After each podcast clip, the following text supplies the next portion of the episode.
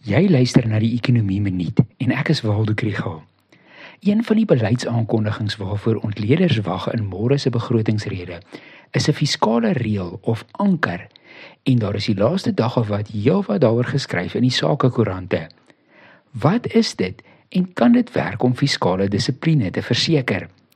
Hierdie episode word ondersteun deur die NWI Sakeskool.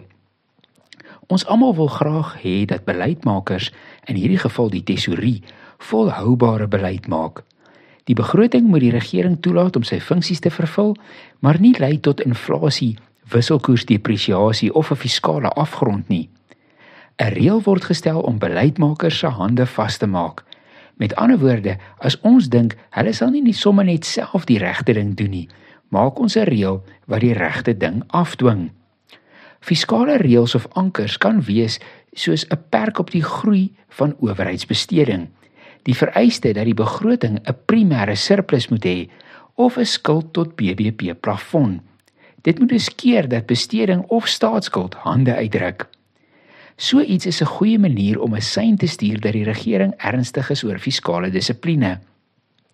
Dit kan ook help om ons almal se verwagtinge te anker maar dit werk net as beleidsmakers self ernstig is oor volhoubare fiskale beleid.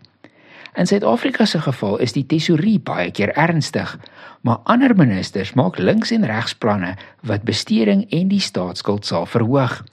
Die nasionale gesondheidsversekering is seker die beste voorbeeld hiervan. Dit los ons met twee moontlike opsies. Een is om vir die reël tande te gee In Duitsland is dit deel van die grondwet en as besteding te vinnig groei, vries die hoogste hof dit. Die alternatief is leierskap.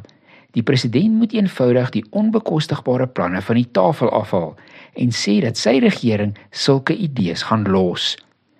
'n Fiskale reël is dis 'n goeie idee, maar hier moet jy nie te vinnig glo dat dit tot fiskale dissipline sal lei nie.